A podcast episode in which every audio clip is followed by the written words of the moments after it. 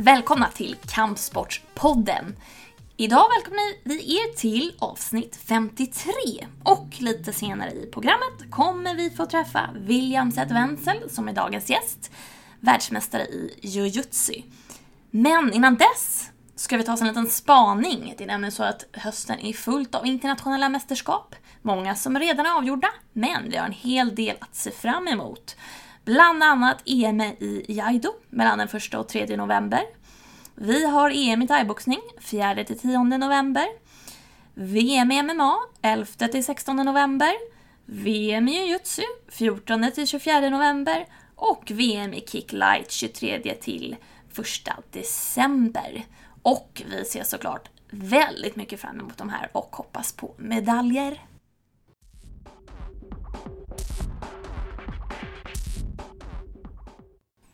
Nu har vi en gäst i podden som vi har saknat. Eftersom när vi var på Nakadojo så var ju den här gästen på Bali. Då vet ni kanske att det handlar om William Zett Wenzel, världsmästare i jujutsu och på hemmaplan dessutom för snart ett år sedan faktiskt. Ja. Nu när det har gått nästan ett år, hur minns du detta VM och det här att få vinna titeln på hemmaplan? Det är kul för jag tänkte på det här om dagen. Jag, jag har min medalj hängandes på väggen bredvid sängen. Just för att man behöver bli påmind om det. För att jag kom på att, bara, hur var det nu den där dagen? Att det, skulle, det var någon liten detalj jag försökte komma på. Och mycket blurras ju bara ihop. Så att hela dagen har ju bara, och egentligen hela den veckan, har bara tryckts ihop till vissa minnesfragment. Så att jag minns det där sista sekunderna i matchen där det var, okej okay, jag får inte släppa in det här poänget. Uh, och sen när jag väl klarade det minns jag bara att jag var hur glad som helst och bara stod och grät. Och resten är mer bara en blurr egentligen. Och just känslan av att allt gick bra. Men sen alla de här detaljerna, de, de har bara smält samman. Men från början då, kommer du ihåg att det, att det kändes som något väldigt positivt att ni var på hemmaplan och skulle tävla? Eller kändes det rent av att det var något av en belastning? Nu hoppas de på mig och min lagkamrat Fredrik här att, att det är vi som ska triumfera inför hemmapubliken. Var det bara skönt när det började? Nej, det där var en, en, stor blandning. Jag tror att, mer, att det mer var jobbigt. Och sen jobbade vi hela tiden. För det blev så mycket. Det var nästan ett års tid innan som vi sa VM i Malmö, VM i Malmö. Och det var det enda som man såg fram emot. Eller det var det vi siktade på.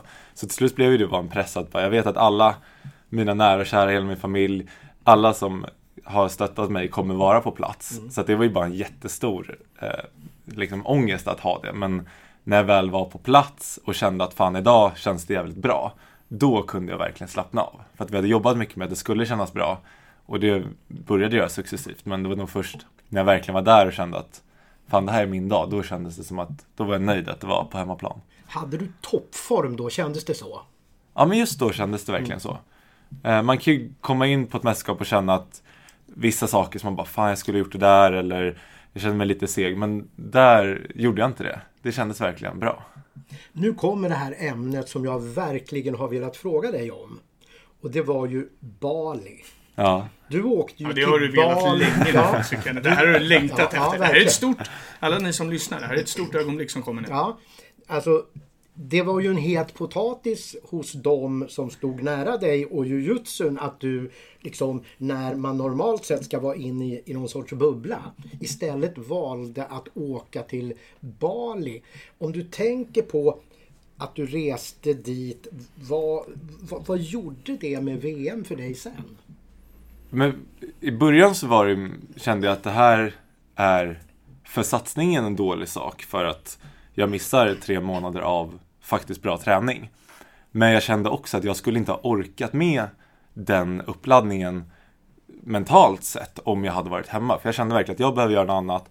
Det var, det var då ett halvår efter World Games och där vi också hade haft lång uppladdning och jag kände att jag behövde verkligen göra någonting som jag valde helt själv. Någonting där jag kunde slappna av just för att få den här omtändningen. För att det är svårt att ha så långa uppladdningsperioder och känna att man är på topp. För till slut står man bara och trampar i samma och för mig har alltid det mentala varit väldigt viktigt att det känns bra. För att jag är inte en maskin där jag bara stänger av känslorna och kör. Utan allting måste klaffa. Och för mig så var det just det där breaket. Hur, som... hur möttes det eh, det breaket. Hur möttes det när du sa det till eh, landslagsledningen, Micke Kuntz? Ja. Vad var, blev han glad? Nej men lite blandat för Micke också eftersom vi är så nära personligt sett så skulle han aldrig, om jag säger att jag måste åka iväg för att jag vill göra det här. Mm. Då skulle inte han bara, du får inte det, jag skiter i dig liksom. Utan han bryr sig ändå om mig som person också. Så att det här var ju någonting tror jag som han drogs i sig själv också. Att han ska se mig som atlet och men också som person. Så att rent eh, förbundsmässigt så sa han att eh, du förlorar din självklara plats till VM. Att det var, jag skulle självklart behandlas som alla andra och när jag kom hem då skulle jag behöva prestera på Paris Open, ta medalj på EM för att sen då bli uttagen till VM. Eh, och där tyckte jag ju att, så här, fan efter allt jag har gjort så tycker jag ändå att jag borde ha en mer självklar plats i det. Men sen förstår jag honom också, man ska bygga ett landslag inför ett hemma-VM och då kan man inte ha frikort för vissa som åker och semestrar på Bali och sen kommer tillbaka och tror att det är klart att jag ska få vara med. Så att det var lite blandat. Men det är rätt konstigt alltså att alla inom kampsport säger just sådär att det är inte så konstigt att man inte kan ha en friplats. I andra sammanhang finns det ju några som tycker att de ska ha en friplats just beroende på vad de har gjort tidigare. Så det, det, det är lite kampsportmaner det här att man, man, man ser inte sig själv som, som given i sammanhanget. Men jag vill tillbaka till Bali, inte till, till Holmen då utan till här, eh, är det så att du, där du står nu ett år efter triumfen, tror att hade jag inte åkt till Bali så hade jag nog inte vunnit? Så kan det nog vara faktiskt. Och, eller även ännu värre att om jag inte hade åkt till Bali så kanske jag inte hade stått på mattan den dagen. För där stod jag i, för innan det hade varit, World Games var det stora målet och sen när det var klart eh, samtidigt som jag inte visste vad jag skulle göra och så här, innan man började plugga och allt så var det lite så här, jag vet inte vad jag ska göra nu och jag behövde den pausen. Och skulle jag inte tagit den då hade jag nog kämpat på några månader och sen inte orkat tror jag. Och så här, missat någon träning där och bara halkat efter och sen inte tyckte det var kul. Pyspunka. Ja, exakt. Så att det var nog verkligen för att stå på plats så behövde jag den. Var den resan också välbehövlig som ett avbrott även i livet i stort? Inte bara ur jujutsu-perspektivet? Eller var det främst för att ladda jujutsu-batterierna så att säga? Nej, nej det var för livet i stort. För mycket, jag har lite svårt där med att skilja det som är jujutsu-livet är ju det vanliga livet Det också. Det är svårt att så här, särskilja på dem. Så att jag i allmänhet kände att jag behövde göra någonting annat. För annars så skulle jag varken, varken orkat med jujutsun eller något annat vettigt i livet. För då kommer vi in på ett segment här. Får jag, får jag, kan Ja, jag, du får ta det- apropå du får ta det innan vi kommer in på trommestadarna. En, en, en del eh, säger ju att, och det, det gäller ju väldigt många av de här som håller på med MMA. MMA är egentligen ingen sport, det är ett sätt att leva. Ja. Hur, hur är det med jujutsu? Säger, säger du samma sak? Mm. Oj, svår fråga. Eh, nej men det är lite vad man gör till tror jag. Eh, och för min del så försöker jag ändå skilja på det ibland. För att gör man det och har gjort det så länge. Så, så här, jag började när jag var sex år. Och någonstans så vill man inte bara vara den och det är väl ett eget val. Att jag vill inte bara vara i jutsu-fighten William. Utan vill kunna vara något annat också. Och då har jag väl jobbat för att inte ha det som att så här, det är en livsstil fast det är en deltidslivsstil lite. För att jag vill ändå ha en annan identitet också. Eller annan, ett annat liv. Nu kommer ett parti som har med kickboxning att göra. Jonte förklarar vad det handlar om. Ja, vi fick ju inskickat till oss, eller vi fick det medskickat kan man säga i alla fall, av eh, kickboxningens förbundskapten och eller landslagscoachen Magnus Trommestad. Som pratade med Kenneth va? Och Kampsportgalan? På Kampsportsgalan. Ehm, och ville få in ett segment med eh, fasta frågor som vi ska ställa till alla gäster. Ja, kul. Ja, så vi har eh, anammat eponymen Trommestadare. Ja. Och då kommer det Och sådana. nu kommer frågorna. Så första är, hur gammal är du? 22. Vad jobbar du med eller pluggar? Pluggar industriell ekonomi på KTH. Eh, en idrott i förbundet som du är nyfiken på att testa men som du inte har testat än?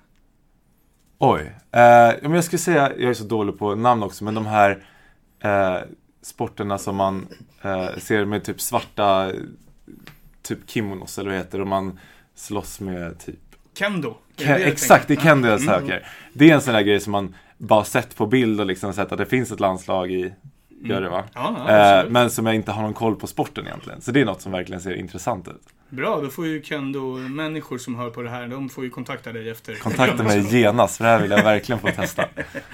Eh, eh, vilken fiktiv figur identifierar du dig med? Oj. Svårt. Jag vet inte. Kan man tänka så kan jag... Vi kan komma tillbaka. Vi kommer tillbaka. Men Tar vi en enklare? person. Tar vi en enklare? Ja. Rött eller vitt? Vitt. Bra. Vad är du rädd för? Eh, jag är faktiskt, och blivit på senare, eh, dels har jag blivit flygrädd. Och det är konstigt tycker jag när man eh, så ofta flyger till olika tävlingar. Men det var någon resa som bara var väldigt turbulent och sen dess så sitter jag och verkligen kramar armstödet varje gång jag lyfter och landar. Och det är så irriterande just när man flyger så mycket att man blivit flygrädd på senare dagar.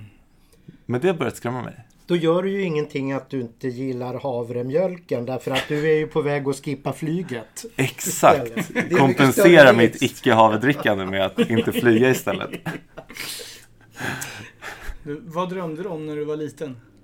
Mm, då vill jag nog bli någon slags tv-kändis. Min stora dröm när jag var liten var med, var, var med i Wild Kids.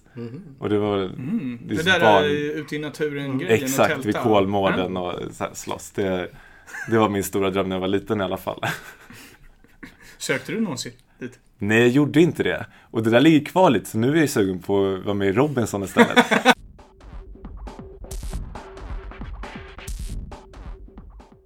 Nu när du står här så det du verkligen är på riktigt det är ju elitidrottsstipendiat. Ja, visst är det härligt? Ja, är det det? Ja, helt underbart. Ja. Vad, vad, vad innebär det för dig då? Det, ja, men det är ju absolut de 50 000 som man får som underlättar extremt mycket. För nu eh, så här, skulle jag valt att bo hemma och ha en mamma och pappa som lagar mat och tvätt och allting. Då hade man inte haft så mycket utgifter. Men eh, lever man ett liv eh, som vanligt så, så, så behöver man ju de pengarna. Annars har jag så här, varit noga med att försöka jobba extra. Ja, okej. Och jobba inom restaurangbranschen som jag gör blir ganska slitigt då. Stå sent på kvällen och sen gå upp på morgonen och träna. Att det, det är skönt att kunna dra ner på den bördan. Så det betyder mycket. Hur länge ser du dina studier hålla på då? Mm, ja, men jag pluggar ett program som jag har drygt tre och ett halvt år kvar. Så att det är väl den tiden som jag Okej. förmodligen behöver vara kvar i skolan. Okej, då är du dryga 25. När du är dryga 25 med tanke på att du eh, i samband med Bali där pratade om att det, det kanske inte är så himla lätt att orka. Håller du fortfarande på med jujutsu på den här nivån? Då? Ja, ingen aning. Det, jag tror inte att jag kommer tävla på samma sätt som jag gör nu. För att det känner jag verkligen. Det är ju en, eh, inte en börda, men det är ändå någonting som tär på en hela tiden att kombinera studier med en elitsatsning. Och det klarar jag just nu bra, men jag känner att det, det kommer inte funka på samma sätt i tre år framöver. Det är så? Nej, men just så. Då kommer man, och det kan ju handla om att man kanske tar en paus någon gång eller så här skjuter upp och saker. Det har jag inte bestämt, men eh, så är det nog. Okej. Alltså rent, för jag har alltid funkat lite så att jag behöver de här pauserna emellan för att sen komma tillbaka mer taggad än innan. Du funderar inte på att man... För ett alternativ skulle ju kunna vara att ta ett sabbatsår och vänta till studierna är över och då liksom göra någon form av comeback i de här sammanhangen. Ja, Du menar att ha ett, ett år efter? Nej men alltså under tiden du studerar. Ja. Att, att liksom skippa och, och, och, och, träna sådär hårt och tävla. För, för att sen liksom ta ny sats när studierna är över. Skulle det vara ett alternativ? Men på ett sätt känns det svårt också. För att jag när man är i den situationen jag är, där jag vet exakt vilken roll jag spelar, eh, nu har jag förvisso bytt viktklass, men man vet, så här, man känner sina motståndare, man vet liksom hur spelplanen ser ut. Att då ta en paus från det och sen komma tillbaka efter så lång tid skulle också vara en lite stress, för man känner att då vill man ju vara på den nivån som man är nu. Eh, men att man under den tiden så lär man ändå tappa och det kommer in nya personer. Att när man väl är inne i det så tänker jag att då kör man så länge det känns bra och sen därifrån får man eventuellt ha en mindre paus eller lägga på hyllan. Du står ju här som regerande världsmästare och, och, och, inom kort här får man ju ändå säga kanske att så kommer ett nytt VM. Men förändrade VM-guldet någonting för dig förutom det här elitidrottsstipendiet som vi har klarat av nu? Är det på något annat sätt som, som det förändrade saker och ting att du just vann? I mitt övriga liv menar du? Nej, vad du vill får du tänka som, som, som kan ha förändrat i och med den här vinsten. Mm, mm, mm, mm. Man, man får väl lite, lite mer respekt på ett sätt. För att alltid att kunna säga att man är världsmästare så kollar alltid folk så här bara wow, okej, en världsmästare ändå. Det spelar ingen roll vilken sport det är, det, är alltid det bästa man kan uppnå absolut. lite. Så förutom den respekten, men sen har jag fått ganska mycket publicitet senaste Mm. året. Eh, men det är också kul för att det är en blandning av att jag öppet kom ut som gay och då blir det att den publiciteten som jag har fått nu är en blandning av Mm. en världsmästare som är gay men där jag ibland känner att publiciteten ligger mest i att jag är en kampsport som är gay än Mm. att mina faktiska prestationer. Det dög inte riktigt att vara världsmästare. Nej, eller det är klart det gör, men jag tänker skulle jag inte kommit ut innan det här så skulle jag kanske inte fått samma eh, publicitet. Nej. Och det stör inte mig egentligen, men det är ändå, jag tycker mer att det är en intressant grej att tänka på. Ja, att absolut. undra hur det skulle se Verkligen. ut bara rent prestationsmässigt, vilken publicitet Mm. man skulle få. Antagligen inte lika mycket. Nej, för det har man ju sett förut. För Tyvärr. jag är inte den första världsmästaren i, Nej. i vårt förbund och ändå så får man mer publicitet nu än vad man fått tidigare. Mm. Jag har en fråga angående VM Mm. som jag tycker är rätt eh, sådär kul. Har du lagat hörlurarna? Eller köpt nya? Nej, jag, det här var ju precis slutet på november. Mm. Sen eh, då önskade jag mig direkt för att jag hade fått hörlurarna av mamma i julklapp för några år sedan. Och hon såg att de här gick sönder. Så då direkt jag bara, mamma du vet vad jag önskar mig julklapp va? Så då fick jag nya, men det är exakt samma modell. Dock inte röda, jag vet inte hur det kommer gå. För att Mm. det har ändå varit mina tävlingslurar ganska länge. Mm. Så att jag har likadana i en annan färg. Okej. Va- Vilken färg då? Svart. Oh. Mm. Ja, lite mer diskret. Ja, men som sagt, det var inte jag som valde färgen utan jag litar på mamma.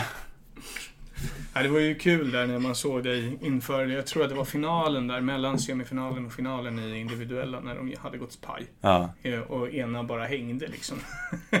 Och det är så jobbigt när man, Och du hade tejpat dem lite snyggt liksom. Exakt. Men, men de hängde i alla fall. ja, så himla Och så irriterande hade du när, din mössa på dig som vanligt och sådär. Ja. Mm. Ja, men just när allting av saker som inte ska gå fel. Alltså det är mycket saker som kan variera på en tävling. Men just att ha ett par trasiga hörlurar som man ska sitta och tejpa. Okej om jag så här, sitter och tejpar min fot för att hänt någonting. Men lägga tid på att tejpa ett par hörlurar känns bara irriterande. Men det funkade i alla fall. Mm. Du, en annan grej från det där mästerskapet som jag också har tänkt på väldigt mycket. Eh, ni blev ju nästan, du blev ju nästan mer glad över medaljen, bronsmedaljen, eh, som kom liksom, eh, dagen efter med laget. Ja, Alltså, vad var det som hände där med ert lag just i den där tävlingen? För det var ju en häftig upplevelse. ja. Det är kul för jag får nästan lite rysningar just när du säger det. För det är också en sån grej som man eh, kan glömma bort med tiden. Just att ett VM var som efter tid så är det så här, just det, jag vann, jag blev världsmästare. Och sen försvinner det andra, men just när man tänker tillbaka på den, just hur vi var som lag. Så är ju nästan den känslan, den ger ju mig mer rysningar än vad själva VM-guldet gör. För att det var någonting med att vi, det var ju just men Micke som hade jobbat så hårt för att bygga upp det här laget inför VM. Och jag innan så här, jag bara, ja, ja men så här, det är väl som vilket landslag som vi har haft tidigare, bara att vi är på hemmaplan. Men han lyckades verkligen med det här att den känslan som vi hade där har jag aldrig känt med ett lag tidigare. För att på den tävlingsdagen när vi bara stod och peppade varandra och blev som bara en enda stor familj. Det, det är inte ofta man känner den i den känslan i kampsportsvärlden. Vad var, vad var det för någonting då som liksom... Det var nog en blandning av just folk, eftersom alla hade kört sina individuella tävlingar så var det flera som kände att det här blir revanschen. För min del var det lite mer, jag måste försvara det som jag precis har gjort. Samtidigt som vi hade byggt upp just den här känslan av att nu är ett lag, det här är ingen individ- individuell sport längre utan nu kör vi det som ett lag. Och vi hade varit i Malmö två veckor innan, fått gå runt i hallen, bott på samma hotell. Vi hade gjort hela grejen med laget innan. Så att på något sätt så hade alla visualiserat att det är så här det kommer vara. Och sen när det väl skedde, då hade alla sin naturliga roll i det laget. Och det bara föll på plats och som det skulle vara. Mm. Du sa förut att du fick respekt som världsmästare. Mm. Hur har det varit på komma ut-delen då? Har du mötts av respekt där också för att du gjorde det eller har du mötts av skepsis eller hur har det varit inom leden? Mm, nej men det har varit mest, eh, mest respekt. Eh, och det är också en sån sak som man, man vet någonstans att det inte ska vara något problem med att komma ut. Men sen när man väl gör det så, så här, men tänk om den här och den här kommer ändra sina åsikter. Men det gör man inte. Eller så här, inom min klubb så har det alltså, absolut inte varit något problem. Och Nacka har ju alltid haft den här liksom, känna kompis-känslan. Och det gäller ju oavsett vilken sexualitet man har. Ehm, Det men- borde ju göra det men det är inte Ja. säkert. Nej, men det, ja, nej precis. Men det är därför man blir så glad att det faktiskt har varit så. Eh, och folk som man kanske minst tänkt att de här kommer kommentera och liksom stötta det här har verkligen kontaktat mig eller sagt till mig att så här, fan vad så här, stolt jag blir att du kan göra det här och coolt att du verkligen vågar stå för det. Men sen så är det en annan grej utomlands att där är det ju inte lika accepterat i vissa länder. Och just så här, kunnat, eller fått typ killar från Bosnien som hört av sig och skrivit saker på Instagram och så Är det sant? Ja, faktiskt. Eh, Men där samtidigt så Förolämpande saker eller? Ja. Aha, okej. man kör Google Translate och så är det bara så här fult ord på fult Aha. ord i långa ja. rader liksom. Men där också, i och med den grejen som hände, Mm. så var det kul för att där tog ju hela förbundet med, framförallt då Mikael Kohns kontakt med deras förbundskapten som så här hörde av sig till alla atleter, skällde ut dem, skickade skriftliga ursäkter och Ja, det verkligen var ju mäktigt. de Ja, det tog ju det verkligen mäktigt. Ja, och för mig är det så här, jag är så eh, bekväm med mig själv att jag klarar av att Mm. några individer som har växt upp med dåliga värderingar kan säga dumma saker till mig. Men om då högre led som då Mm. federationen i deras land faktiskt tar det partiet och Mm. eh, ja, men ber om ursäkt och tar det seriöst så visar det ändå vart, alltså vilka grunder och värderingar som sporten har. Och det tycker jag är Verkligen. viktigt just för att se de som kanske inte är kommit så långt som jag har och så står i valet och kvalet och kanske inte vågar komma ut och tycker det är världens jobbigaste grej inom jujutsu-världen att man ändå ser att federationerna och liksom hela internationella federationen stöttar det. Eller inte motarbetar i alla fall. Och för andra som, som, som möjligen är i den situationen du var och, och, och skulle fun- fundera på liksom hur ska man göra så är det ju ändå så att det måste ju kännas skönt för dem. För det första, du blev världsmästare. Ja. För det andra så har de säkert koll på att du fick stöd från Svenska federationen som i sin tur kontaktade den aktuella utomlands och att det liksom på något sätt blev grepp på Ja. saker och ting. Så det, det måste kännas skönt för andra i, i, i situationen. Jag vet inte hur jag ska göra. Ja. ja, men jag hoppas att det når ut ändå. För att jag vet ju ändå hur det känns just att vara osäker i, den, i den världen. Just det så här, kampsport som man tänker är väldigt macho. Det, det är skönt att man då kan få se att det, man måste inte vara en, liksom en machokille för att kunna vistas i de kretsarna. Kampsporten är ju inte så mycket macho egentligen. Nej, Eller fast hur? man kan tro att det är. Och Ja. Vissa kampsporter är väl det mer än andra tänker jag. Och beroende på vilken klubb man är på också.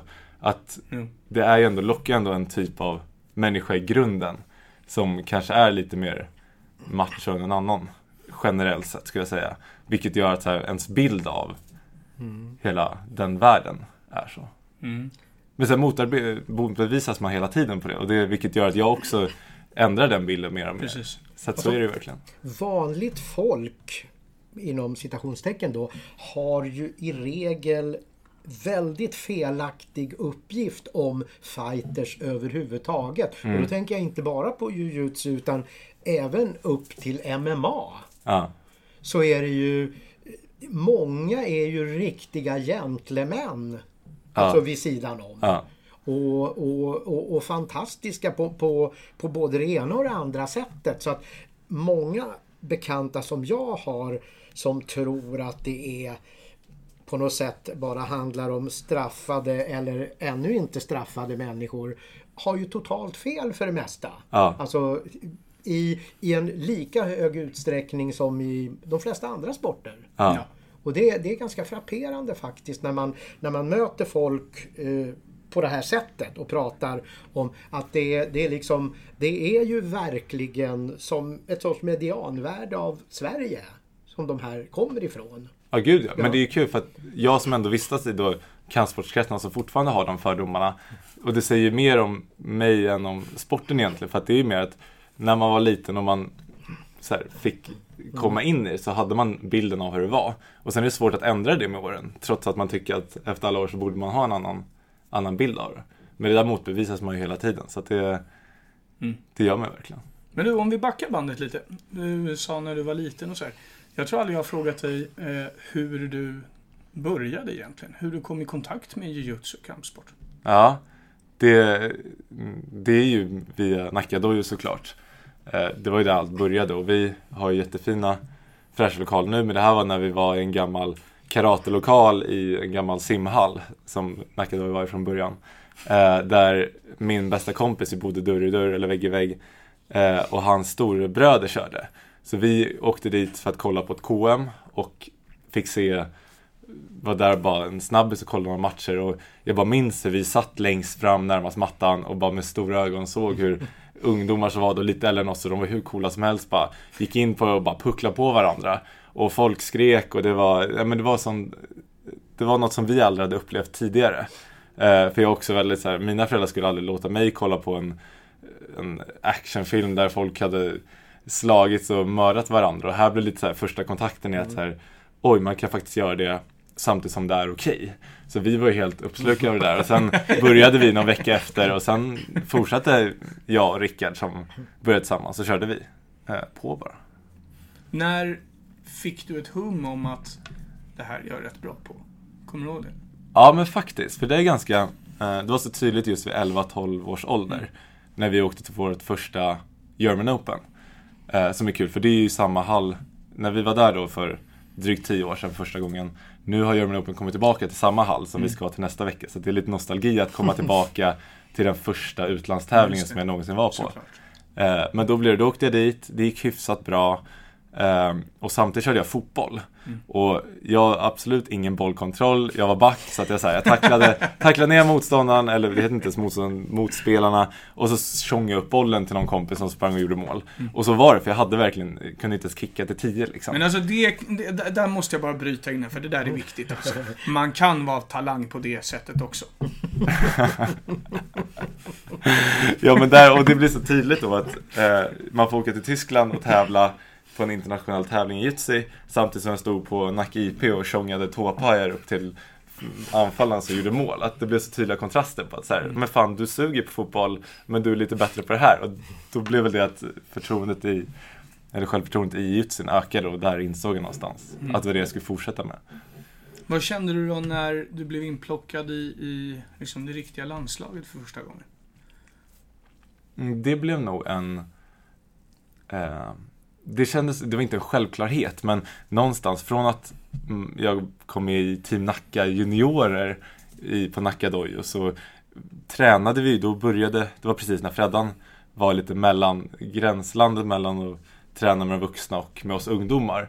Och då var det lite så här, jag fick träna med dem som jag såg de har varit, eller är med i juniorlandslaget. Vi hade ju många andra som var med i seniorlandslaget i klubben. Så att lite där såg man så här, det är den här vägen man ska gå. Ehm, så att när jag väl då kom med i juniorlandslaget första gången och sen senior så var det lite mer bara så här skönt, nu kan jag bocka av det. För att man hade lite så här vägen klar för sig, vart man ville ta vägen. Så det var inte så här, oj, jag är visst lite bra på det här. Utan man hade sett upp till de som var bra och tänkte så här, dit ska jag. Vet du, nu, jag vet inte hur länge vi har pratat men jag tror att en och annan tänker nog så här. Men det är ju VM snart, ska de inte snacka om det någon gång? Men jag har en fråga före det. Ja, Ja, jag är inte klar heller.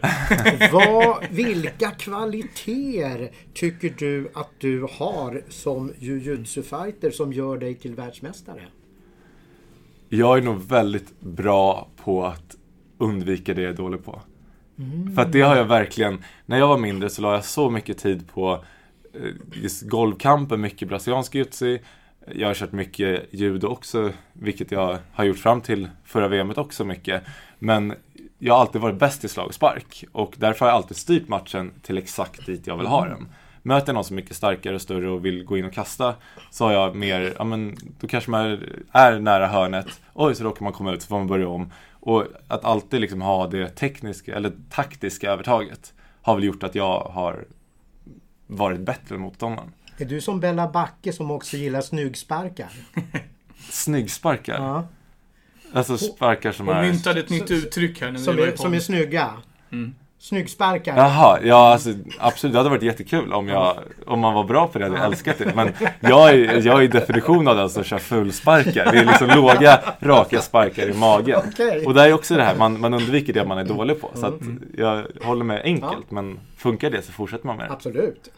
Du, vad har eh, Fredrik Widgren betytt för, för, för dig i din liksom, eh, klättring upp mot världstoppen? Jag menar, han var ju något år före dig bara, Ja, om man säger så. men, men han har betytt allt och i senare år har vi betytt allt för varandra. Men innan jag kom upp på landslagsnivå så var det han som hjälpte mig dit mycket. Att jag som var störst av juniorerna fick börja köra med honom där jag varje träning bara fan nu ska jag köra med Freddan igen. Jag kommer få så jävla ont som vanligt för han slår så jävla hårt så man så här ville typ inte köra med honom. Eh, men det var ju de randomgångarna som gjorde en bättre. Och efter det så har det egentligen varit han och jag som har tränat med varandra sedan dess. Så att utan honom så hade ju varken han eller jag varit där vi är nu. För det är vi som har byggt varandra som fighters, skulle jag säga.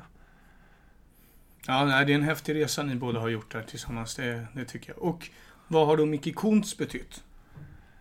Ja men han är väl också, om man tänker Freddan har varit det stödet som byggt den på mattan så har ju Micke gjort det, förutom mina coacher, så har han varit den som stärkt den utanför och hjälpt till att man fått de möjligheter man har fått. Att inför mitt första VM där jag kanske egentligen inte är så här, du är inte den största medaljchansen. Så var det ändå så här, det är självklart William ska köra för han har presterat bra här. Och att han lät mig alltid komma upp ett steg för att få vara där från början. Hade jag inte eh, fått de chanserna så kanske jag inte hade blivit så bra som jag är. Så det är ju verkligen att han alltid har trott på mig och låtit mig hela tiden få köra med dem lite bättre och gått upp i seniorklassen väldigt tidigt. Det har gjort att det har gått väldigt bra. Och det ser man ju på många. Freddan var ju samma sak, att han släppte upp honom tidigt. Vilket gjorde att vi fick bevisa oss tidigt och att man då kunde klättra därifrån. Mm. Sen är det ju någonting, tycker jag, eller det kanske bara är jag, men det är någonting med de här jujutsu-familjerna också. Alltså jag tänker mig er familj, Ja, eh, jag tänker mig familjen Widgren. ja, Eh, alltså, det är lite liknande där fast ändå tvärtom då. Där Sara var några år äldre än Fredrik och var jätteduktig. ja, Du är några år äldre än Fanny som också är jätteduktig på väg uppåt och i landslaget var Ja. med och vann eh, bronset här bland annat då, mm. eh, i lag. Vad är det med de här jujutsu-familjerna? Jag tror att man drillar mycket varandra och just inom jujutsu och många olika kampsporter så kan man ju träna med varandra trots att det är stora viktskillnader och könsskillnader också. Så att killar kör med tjejer och olika storlekar och åldrar. Och det gör ju lite att tränar man tillsammans så kommer man ju lite åt samma mål. Eller så här, om man har en bra grund i gruppen så blir ju alla lite därefter. För att man lär man sig, alltså kör jag och syrran och så får hon fem slag i ansiktet. Sjätte gången då kanske hon lär sig blocka den grejen. Att det har mer varit tror jag att båda haft intresset och tränar på samma spår och så är det bara något jävligt bra i våra gener. Det är samma sak med Widgren-generna. Widgren, men det finns ju även eh, de här nere mot Småland till också. Ja, men Eh, absolut. Ingholt-familjerna Ja. och, alltså, och hela den biten. Det är någonting där. Jag ska spana vidare där. Spana på det. Ja. Kör Eh. någon genforskning på just Jujutsu-genforskning. lyckade jujutsu-familjerna. Det De skulle kunna borde... bli ett genombrott. Ja, det är också. Oj, oj, oj, nu är vi, nu är vi lustiga här. Men du, VM då? Ja, Nu. Abu Dhabi. ja. Hur, hur ställer du dig till det? Det ska bli jättekul. Jag har ju gått upp en viktklass. Mm. Eh, och jag har tagit en tävling i minus 94. Eh, och då gick det bra i Paris Open. Eh, men det ska bli kul att köra ett mästerskap och möta nya motståndare, ändra taktiken lite och eh, få göra ett nytt game lite. Och det är skönt att inte komma in. Ska jag kört 85 så hade jag gått in direkt och känt att pressen ligger på mig att jag måste försvara det här. Mm. Jag får inte förlora mot någon som har vunnit mot mig, eller som jag har vunnit mot tidigare. För att det skulle då i mina ögon visa, eller bevisa att jag kanske inte var värd det där VM-guldet. Mm. Vilket känns skönt också, att så man, man slutar med flaggan på topp. Att då, där stängde dörrarna till 85 och så går man vidare. För att då behöver man inte bevisa sig där igen. Nej. Och det är skönt också att man... Jag håller med. Jag, jag lyckades vinna en golftävling en gång i tiden. Och jag har aldrig ställt upp i den tävlingen igen. Och de har, ju på, har varit på mig i tio år. Ska inte du komma tillbaka? Ska inte du vara med? Nej, nej. jag- nej jag har inget att bevisa. Du som är bra på att undvika det du inte är bra på. Ja. Finns det några nya saker i den nya viktklassen som du måste lära dig att undvika då? Mm, nej, men det, det går lite i samma eh, linje med mina taktiker tidigare. Att jag är bäst på slag och spark, eh, bra avstånd, snabba tekniker.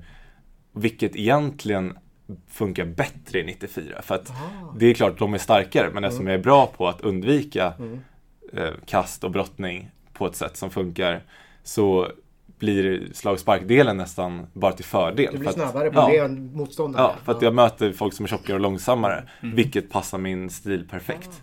Så att på det sättet är det bara att jag ska anamma eh, den taktik jag haft tidigare. Och bara köra på den hårdare. Undvika att hamna på mattan. Exakt. Måste man förbereda sig på att smällarna kanske blir lite hårdare och sådär också? Eller? Hur, hur Ja men så absolut. Så blir det ju. Att kommer man upp så är det mer, många kör ju mer på styrka och inte lika rena tekniker. Det ser man ofta, så här, kommer upp i viktklasserna så blir ju ofta matcherna grötigare och hårdare. Så det är verkligen någonting man får bara ställa in sig på. Men där blir också att, fa- fan, då får du bara slå hårdare själv också. Så det är väl kul också. De kan ta mer tror jag. Du, tung träning för en jujutsu-fighter. Vad innebär det? Hur, hur ser det ut över en vecka? Mm, ja men det, mycket är ju eh, Jujutsu-passen så är det ju, ja, men i en uppbyggnadsfas så är ofta sparringronderna längre och eh, mer intensiva, att man verkligen tar ut sig till max. Eh, mycket mjölksyra och sen styrketräning så kör jag, ja, men, just nu då, ja, men, fler repetitioner men ändå tungt så att det är mycket mjölksyra och man har verkligen, man går runt med lite ständig träningsvärk hela tiden. Jaha. Så man känner sig alltid ganska dålig på träningarna. Att så här, det är en standard så här, grej när man kommer hem och bara fan idag kändes det ganska dåligt igen för jag känner mig långsam och svag i benen. Men det är sen när man väl börjar trappa, alltså ta bort det och sätta in lättare pass som det helt vänder. Så det är väl Just nu känns allt bara dåligt men det är så det ska vara. När börjar det kännas bra då? en och en halv, en månad innan stor tävling skulle jag säga. För det är då man verkligen ställer om och börjar känna sig snabb igen. Och det här är kul för nu har man ändå gjort det i så många år och liksom uppladdningen för ett VM. Att nu kan jag gå hem och bara, fan det gick skitdåligt på träningen. Men eh, det är inte konstigt. För tre år sedan då gick man ju hem och mådde dåligt och verkligen tog det där hårt på sitt psyke. Men där har man lärt sig nu att det känns inte alltid bra utan man förstår varför man känner så för man ligger i en viss träningsfas. Och det är också skönt just att man, man har den rutinen. Du, det känns ju konstigt att fråga den här frågan när det är en världsmästare på plats. Men har du någon gång under din karriär tänkt så här att äh, varför börjar jag inte med den där sporten istället? Det där är väl en ständig... Kampsport har väl alltid, just för att det har fått så pass lite publicitet, Ja, så har man alltid blickat mot sporter som har mer publicitet. ja det är så för dig. Ja men det, släpp det mer nu. För att, men när man var mindre så var det ändå så här, fan vad kul det skulle varit att fått köra längdskidor i TV. Att, eh, en sån sak att man kunde ha suktat åt det typ. Ja. Men det är släppt nu. Det, det, det är borta. Ja men Det- nu gäller det bara att köra det man är bäst på. Så att då får man fortsätta med kampsporten. Okej. Annars får du komma tillbaka och göra tåpajar upp till en forward eller något sånt där. Ja den hade funkat sådär. Det kanske inte är TV-mässigt det heller. För mycket gula kort, det är ganska underhållande dock. Men vara avstängd varannan match, jag tror inte det är, är hållbart i längden. Det finns ju några som har byggt karriär på det. Kan man ju säga. Det var med förr i tiden va? Ja, det var med förr i tiden. Eh, Men eh, sen då? Efter VM? Hur, hur ser det ut för dig då? Tror du? Mm. Jag vet inte. Och jag tycker att det är ganska skönt att eh, ha den inställningen att inte ha blicket efter det. För det är just inför stora mästerskap så är det svårt att man tappar fokus, eller lätt att man tappar fokus på den tävlingen om man hela tiden blickar Ja. framåt. Och det är lite samma sak, är man på en tävling så är det så här, det är alltid nästa match som gäller. Eh, så har man förlorat förra, då glömmer man den och så tänker man på närmaste kommande match. Och lite samma sak här, att nu tänker jag på det VMet som kommer och sen efter det, då här, får man ta nästa beslut. Eh, för att ha liksom, allting planerat efter, just efter VM som är lite höjdpunkter på varje år. Så för att ha maximal fokus på det så är det oftast, för mig i alla fall lättast att tänka nu kör jag VM och sen laddar jag upp och ser vad som händer då. Du har ju ändå hintat om att någon karriär upp mot 30 år, det kan vi nog inte hoppas på ens från Williams sida. Nej, så är det ju. Eh, men, eh, men mer än så vet jag verkligen inte. Och jag, det är just det där, sätter man stämpel på eller säger att det är så här jag kommer göra så är det så lätt att man låser in sig i det. Utan, och därför har jag märkt också, eftersom det varit mycket fram och tillbaka i min karriär där jag bara, men jag ska ut och resa, sen kommer jag tillbaka bättre än aldrig förr. Att det är dumt att sätta så här ska jag göra, utan jag följer lite det, hur, så som det känns. För det är ofta det som funkar bäst för mig. Mm. Jag måste också ko- återkomma lite grann till det som inträffade i mars, det vill säga Kampsportsgalan. Ja, När du fick ta emot ett par priser på scen och sånt där. Ja. Eh, För, ja, främst då VM-guldet naturligtvis. Mm. Hur var det? Att stå där och, och ta emot de där ovationerna? Eh, jättekul. Och årets eh, prestation, eller årets mästare, där det är ju mer en bekräftelse på att fan ditt VM-guld är det bästa man kan få, eller vinna. Eh, men årets kampsportare var mer en bekräftelse på att man är något mer än sina prestationer. Så den var jag egentligen mest glad för. Och det var kul att få vara där och dels få de båda priserna, men just att då kunna stå där och att man är något mer än sina prestationer. Det var jättemäktigt. Kan man njuta på, när man går upp på scenen där? Eller hur, hur, hur blir det liksom, när man tar emot de där grejerna? Det, nej men det är lite nervositet, man sitter där och så här, ska jag vinna, ska jag inte? Och så ska man upp där och ta emot. Det är klart att det, det är mycket nervositet och så inblandat. Men absolut, det är alltid kul att stå i centrum och få den uppmärksamheten. Så att, Men du gillar det, men? Stå Ja. lite i centrum. ja, annars skulle man inte satsa så hårt på det här för att vinna hela tiden. Det är då man, Mm. står man högst upp på pallen, det är då man får mest uppmärksamhet. Hur viktigt är det då för, för fighters och alltså för, för de som är aktiva inom sporter till det här förbundet. Att den här galan finns. Där ju ändå chansen att bli uppmärksammad i ett större sammanhang är ju större än om det bara finns vanliga idrottsgalan. Hur, hur, hur viktigt är det med kampsportgalan? Mm, jag tycker att det är jätteviktigt och det, det gör ju att vi som är kampsportare som kanske då gör samma prestationer som är någon som kör fotboll eller längdskidor eller vad som helst. Att våra prestation är ju lika stor som ett annat VM-guld. Och det är bra att då vi får uppmärksammas också. För annars blir det lite att ser man på Idrottsgalan så är det så här, de, eh, de här fick priserna. Ingen av någon kampsportare, kanske en eller två som är nominerad. Att man känner sig lite underminerad och att så här, bara, men varför gör jag det här om man inte får, och inte uppmärksamhet utan mer bekräftelsen. Att eh, har man den här galan som vi har, gör ju att man faktiskt inser att man faktiskt åstadkommer någonting också. För att det är lätt att se att man bara skjuts undan annars. Alltså världsmästare i jujutsu är det ju kanske inte så många som har riktigt en relation till. Alltså jag menar, hur stort är jujutsu i världen? Jag menar, hur hård konkurrens är det inom den sporten? Kan du liksom jämföra med, med, med, någon, med några andra sporter som är liknande för att liksom göra det klart för folk? Mm, nej, men jag kan nog inte det. Och det är det som är... För många säger så här, men hur många är det som kör i Sverige? Hur stort är det utomlands? Och jag ser ju liksom hur det ser ut på tävlingarna där man möter de bästa. Men Ja. sen vet inte jag hur många som är bakom det egentligen. Men sen vet man att vissa länder är betydligt större än andra. Frankrike som har judo som en av sina största sporter i landet. Där då jujutsu är lite, för de som inte riktigt platsar i judolandslaget så blir man eh, kör man jujutsu istället. Att där är det ju mycket större såklart. Men just omfattningen i hela världen och den biten vet jag faktiskt inte. Okej. För det är ju det som många säger om sporter de inte riktigt tycker att de skulle behöva bry sig om. Mm. De säger ju så här, ja men hur många är det som håller på med det? Och om någon vinner något så säger de, jo men var de bästa verkligen med? Alltså sådana grejer. Möts du av sådana synpunkter någon gång eller hör du att andra har gjort det? Ja men absolut. Eh, framförallt tidigare. Nu är det mindre och mindre ska jag säga. Okej. Men för något år sedan var alltid det här, man var på tävling och så vann man mer på juniornivå kanske. För att det är lite beroende på om, man, om det var en mindre tävling.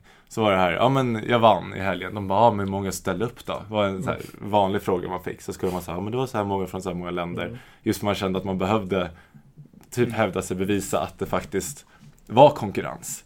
Men det tror jag mer att de i alla fall som har levt med mig och sett hur, alltså sporten under flera år förstår ju också då att det faktiskt finns hård konkurrens och att det är många som kör. Men om man aldrig har hört talas om en sport så är väl det det första man tänker. Att så här, "Ha, hur många kör det som jag ändå aldrig har hört Ja, talas om precis. Och det där kan jag ju relatera till lite grann när man har lite mediekontakter och så, eller man får frågor ifrån eh, utifrån och så, så och även ni så, eh, idrottare, så har jag reflekterat över att man får ofta Ofta tar det en eller två frågor att förklara hur ser idrotten ut. Ja, Och sen får man en eller två frågor på ja, hur många är med, hur stor, eh, alltså hur stor är sporten och Ja. så vidare. Och sen är ju liksom eh, mediatiden slut på något sätt. Ja. Så då har man ju inte kommit längre. Och sen eh, när det, när det ja, kanske går ett år och så står man där igen. Så får man nästan liknande frågor en gång till. Liksom. Då har det ju inte, det har inte gått framåt på, på, på det sättet då. Utan man kanske ska strunta i det där helt enkelt. Göra den här gamla taktiken som någon gjorde liksom. Jag minns, eh, ja det var nog fotbolls-VM eller någonting. Så fick man en fråga om, en, en tränare fick en fråga om, ja det här gick ju inte så bra. Och så svarade han på något helt annat. man väljer vad man pratar om ja, istället. ja, typ. Men det Jag blir ju lite inte. så för att vi är ju i Sverige då, om man kan säga dömda utifrån vad folk vet och vad man Mm. så här, tänker om hur sporten ser ut i Sverige. Men pratar man då om en internationell prestation så är det ju Ingen i Sverige vet ju hur det ser ut utomlands och då blir det att man blir dömd efter hur, Mm. hur publiciteten ser ut i Sverige. Ja. Och så tror alla, men det är en jätteliten sport för jag har aldrig hört talas om det. Men åk till Japan så ser du att där pratar alla om kampsport och då skulle man inte behöva Ja, precis. försvara den grejen. Preprecis, det var någon som sa din nya favoritidrott är kendo. Ja. Ehm, de, de, de, det var någon som sa det inför eh, VM som gick i eh, Tokyo för några år sedan. Just det, det kommer jag ihåg. Ja, det kommer du ihåg. ja, nej men då, då var det, det, alltså det fanns någonstans mellan 400 och 500 utövare då i Mm. Sverige. Och sen kommer man till Japan och ser att den här jättearenan är fylld 22 000 åskådare tre dagar. Ja. Och de är ju superstjärnor, japanerna där borta Ja. i kendo.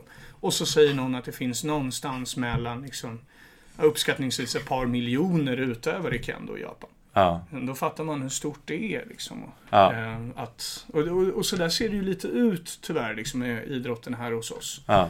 Eh, nu är väl jujutsu någonstans runt 10 000 eh, utövare i Sverige. Och, Ja. och det är ju stort för att vara vår för, vårt förbund. Men det är ju inte särskilt stort om man liksom blickar utåt mot andra idrotter. så. Nej. Men det är ju det som är vår utmaning också. Att hela tiden försöka påtala att fan, vi är jävligt bra på det här. Liksom. Eh, Och det, våra medaljer som vi tar är nästan dubbla bragder i många fall. Eftersom Ja. man möter folk som kanske är lite avlönade och, och så vidare. Va? Medan man själv är egentligen då i idrottssammanhang, åtminstone här, glad amatör. Liksom, Mm. Fast man lägger ner jättemycket tid på det ändå. Så det är nästan dubbla bragder skulle jag vilja påstå. I många fall. Var det några som hörde av sig och ville sponsra eller hjälpa dig ekonomiskt när du hade vunnit VM och det skulle komma ett VM till? Mm, nej, det var dåligt Det med var det. inte det? Det, ja, men jag, så här, det kan vara vissa, vissa som hört av sig. Eh, och eh, nu har jag ett nytt eh, sponsorskap på gång Mhm. som jag ska signa nästa vecka. Men det är ingenting som genererar pengar egentligen. Nu har jag fått ett jättegeneröst eh, klädmärke som går bakom med sponsor med massa kläder. Men det är inte, eh, det finns inga pengar i det.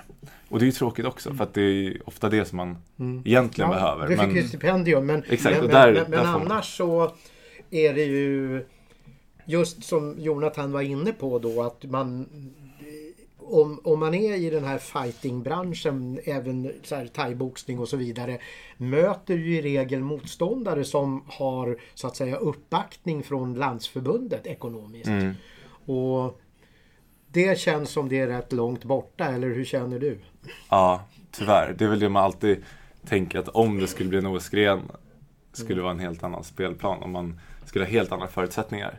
Men så länge det inte är det, och det är väl det som är eh, Putocancerförbundet har så många olika sporter i så många olika grenar att det är ju det som så här, skulle slås ihop eller att man skulle typ bara vara allmänt bättre på att förstå skillnaden i det så skulle nog folk kunna se ser, mer seriöst på det. Men nu blir det lite här, jag har ingen aning om vad skillnaden är på brasiliansk jutsu och sportjutsu och sen finns det något som heter judo och då, där faller det lite att eftersom folk inte vet vad det är eftersom det då finns så många olika discipliner så det är väl där man tappar lite Men stödet. just när det gäller judo och taekwondo så har man ju ändå samma har man ju ändå känslan av att det är samma problematik där. Att de som är bra i taekwondo har nog, de har ju från SOK då förstås. Ja.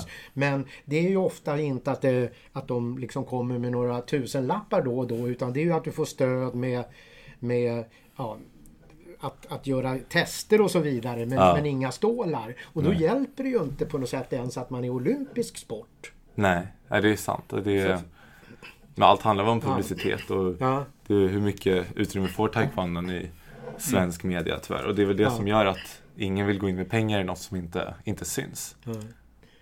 För jag, nu kommer jag inte ihåg vad skälet var med Karolina Kinczerska som var Malmöbaserad fighter och var eh, med i ett OS.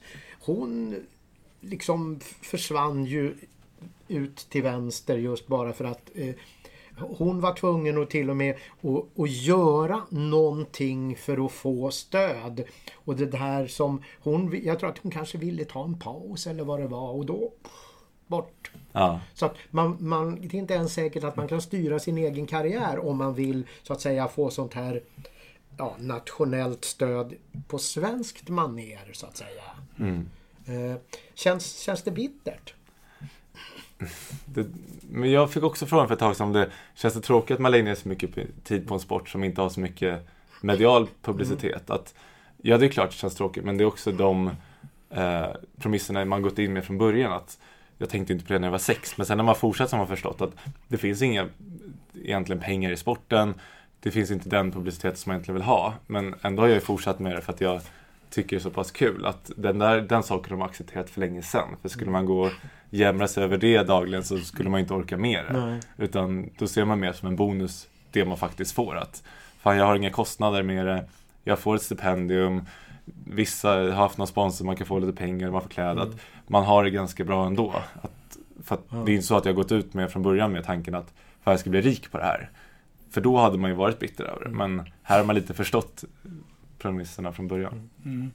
Ja, det finns ju någonting fint i, i, i det också på sätt och vis. Jag skulle ändå vilja, liksom, här, bara för att man ska få ett hum. Du har ju nu fått det här stipendiet som är på 50 000 kronor. Mm. Vad, hu, vad kommer du lägga de pengarna på tror du? Och hur mycket sådana här 50 000 kronor har du fått genom din karriär om man säger så? Eh, nej men nu är det mycket eh, att de pengar jag får nu täcker ju kostnader som, eller mer levnadskostnader kanske gör att man inte måste jobba lika mycket. Man kanske faktiskt kan unna sig något också för att jag är ju som vilken människa som helst som inte vill leva på existensminimum som ett studiebidrag är. Att det blir lite så här, men nu kan jag äntligen köpa det som jag annars kanske behövde jobba mig till för att kunna köpa eller om man ska resa någon gång. Att sådana saker kan ändå, det blir lite mer guldkant på vardagen som man annars hade behövt kämpa för. Eh, och innan det här så om man samlar ihop alla likvida medel som man fått så är väl det knappt 50 000 genom åren, ska jag tippa. Så det, det är ju inte, det är inga stora pengar i den här sporten. Mm. Men sagt, det kostar inte något i alla fall. Att både klubben och landslaget, alla är bra på att täcka kostnader, men allt utöver kostnaderna, eh, Mm. där tar det stopp. Vad pysslar du med om tio år tror du? Mm, svårt. Jag pluggar ju en, eller går en utbildning som är extremt bred. Just för att jag inte har någon aning om det. Och det är väl alltid det där, vad ska du göra när du blir stor? Och man får alltid svara så här, jag har ingen aning. Eh, förhoppningsvis någonting inom det jag pluggar. För annars känns de fem åren lite förgäves. men det, är, ja, mer än så vet jag inte. Men det är ändå rätt häftigt så här, liksom. jag, jag vet inte riktigt vad jag ska göra. Jag går KTH. Ja, ja men det... Ja, Då man vet du ju lite i alla fall. Ja, jag blev nog ingenjör men sen vad jag ska göra det, Nej, det, det har jag ingen aning om. Tror du att du kommer att, och de- den dag du lägger ner din egen karri- karriär, kommer du då att fortsätta att träna ynglingar på Nakadojo? Mm, kanske jag, det där är också tråkigt att jag har ju nästan aldrig varit eh, ungdomstränare själv. Jag har varit i korta perioder för att täcka när folk har varit borta och så. Men, och det är mycket en, en, en självisk grej att när jag väl är det så tycker jag att det är kul. Men lägger man x antal timmar, som är väldigt många timmar i veckan, på egen träning och ska hinna ha livet över det, kunna jobba ibland, så finns det inte så mycket tid över på att träna andra. Så att om det är någon gång som man gör det så är det i sådana fall när man faktiskt lägger ner den eh, liksom, elitsatsningen, när man då har tid över. Så det är inte helt omöjligt men det är lite oddsen är emot mig med tanke på hur dålig jag har varit på det fram tills nu. Jag tänker fråga en sak om VM. Har du någonting annat emellan här som du undrar om? För att det känns ju som VM skulle kunna vara en slutpunkt annars. nej, jag tänkte väl kanske mer liksom så tio år framåt. Tänkte mig, hur, hur lång tid behöver man för att vara liksom, världsmästare i kendo, tror du? Ja, du tänker så om jag sadlar om nu. Jag, jag tänker ni har mer koll på kendo-reglerna, vad tror ni? Det har man alltid sagt annars, du som är mer uppvisningsgrenen i jutsu har jag för alltid skojat om att här, orkar man inte köra fighting längre så är det ju där man ska ställa upp någon gång. Just det, ni två ja, coachade av Isabelle. Hade Exakt. Ja, det Vi hade ju var varit en riktigt riktigt bra duo. Eftersom vi ändå har fightats parallellt i viktklasser alla år. Så tänker man för någon gång skulle ska vi väl tävla tillsammans också. Det var ju helt fantastiskt. Jag måste ju bara återkomma till det och se Isabelle på mattan igen här i, i liksom VM i Ja, Malmö. Och hennes coolt. uppladdning när hon står och bankar sig själv i ansiktet. Äh, magiskt. Där kan man ju tänka just där med att man måste, känslan av att man måste leva upp till någonting. Tror jag. För Ja. jag förstår ju hennes, alltså pressen hon måste känt. Och även fast det är en kul grej att komma tillbaka så, så blir det ju att hon har stått på den mattan förut och presterat. Mm. Eh, hon måste göra det igen. Så att, och så jävla coolt att hon då går in och gör det också. Och vinner. Ja, Hon och Sture. ja Men, där, men, men just när hon, när hon var med här i podden. Ja, det är ju en Och, och höjdare. hon liksom bara smög in här att ja, men jag tänker vara med Ja, på det- VM. Så här som om... Ja, det är väl ingen stor grej. Jag har funderat lite och kommit fram till att jag ska nog vara med på VM. Men apropå VM. Hur, hur, hur, hur tror du att du tänker? Det är svårt att veta förstås, men när du går ut där i din första match, låt vara i en ny viktklass, men ändå som regerande världsmästare i denna sport. ja.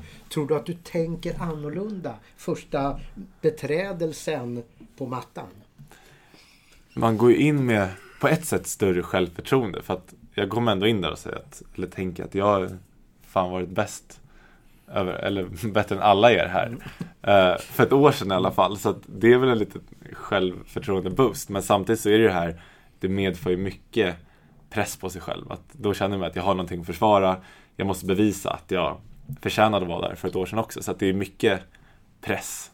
Och framförallt från sig själv. Alltså det är ingen annan som vad jag, eller som säger till mig i alla fall att så här, nu, du vann förra året, du måste vinna nu också. Utan det är något mer man lägger på sig själv. Så att den pressen ligger där. Och då kan det kanske vara skönt att det åtminstone inte är någon som har satsat massa pengar på dig utan att de satsar kläder istället.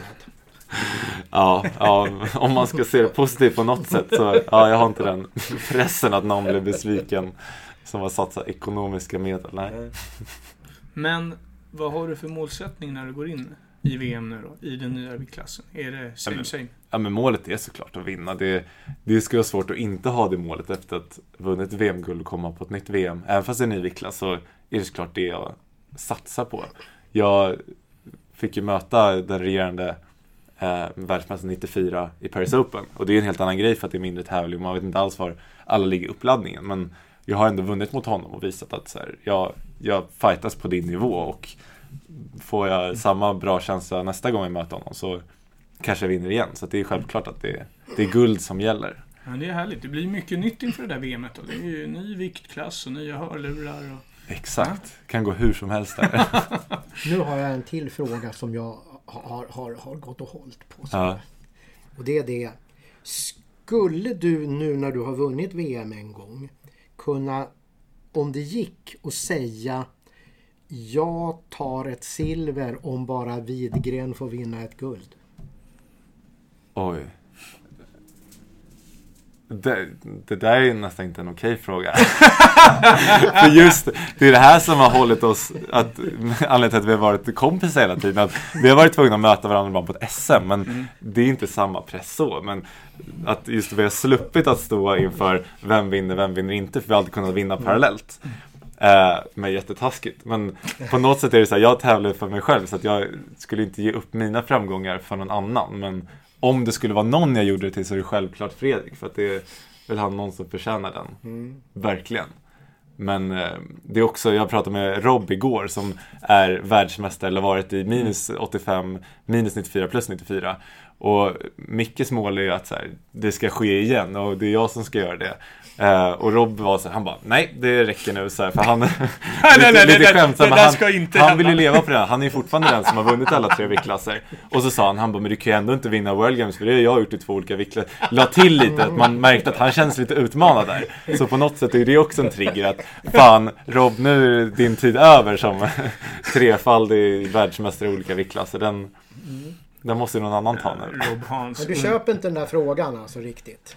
Om- Nej men jag, jag är tvungen som individuell idrott att säga att jag Du går inte inte skulle, det? göra- nej. Men, eh, mm. Rob Hans, en underbar profil förresten. Åh gud ja. Han tiggde till sig en av mina slipsar en gång. Jag hade en orange slips. Som Ja det fattar jag, den drog direkt i orange om någonting. Exakt. Skulle han valt skulle vara landslagsdräkter också vara orangea.